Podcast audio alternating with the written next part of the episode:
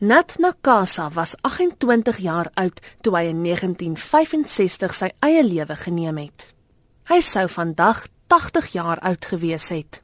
Die sekretaris-generaal van die Suid-Afrikaanse Nasionale Redakteursforum, Reggie Moalusi, sê Nakasa het na sy tuisland verlang en steeds in New York in isolasie geleef en dit het bygedra tot sy selfmoord. Nat Nakasa was 'n uh South African legendary journalist. He was born in the Eastern Cape.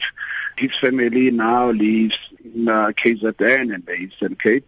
He was a journalist who became to be known as part of that drum era. Obviously, he worked for drum in the 50s and all that before he left South Africa on a one-way ticket where he was not going to return to the country to go and settle in New York but you know he committed suicide out of depression. But fortunately, through the work of SANEF, the Department of Arts and Culture, his remains were brought home. Volgens Moalusi was Nat Nakasa 'n joernalis met baie hoë aansien. If you look at the man himself and who he was and his craft, he was one of those rare journalists where he was thought-provoking, he was well-read, he was engaging, He grew way too quickly within the ranks at Drum magazine. He founded the, the classic literary magazine there. He also wrote a column for the Rand Daily Mail. So, I mean, Nat was a well-rounded journalist, well-respected.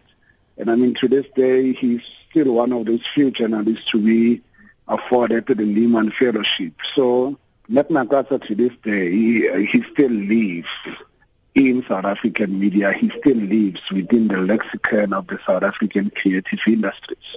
Hy sê Sanef se Nat Nakasa toekenning vir journalistieke integriteit is die hoogste vlak van erkenning wat die forum aan joernaliste oorhandig.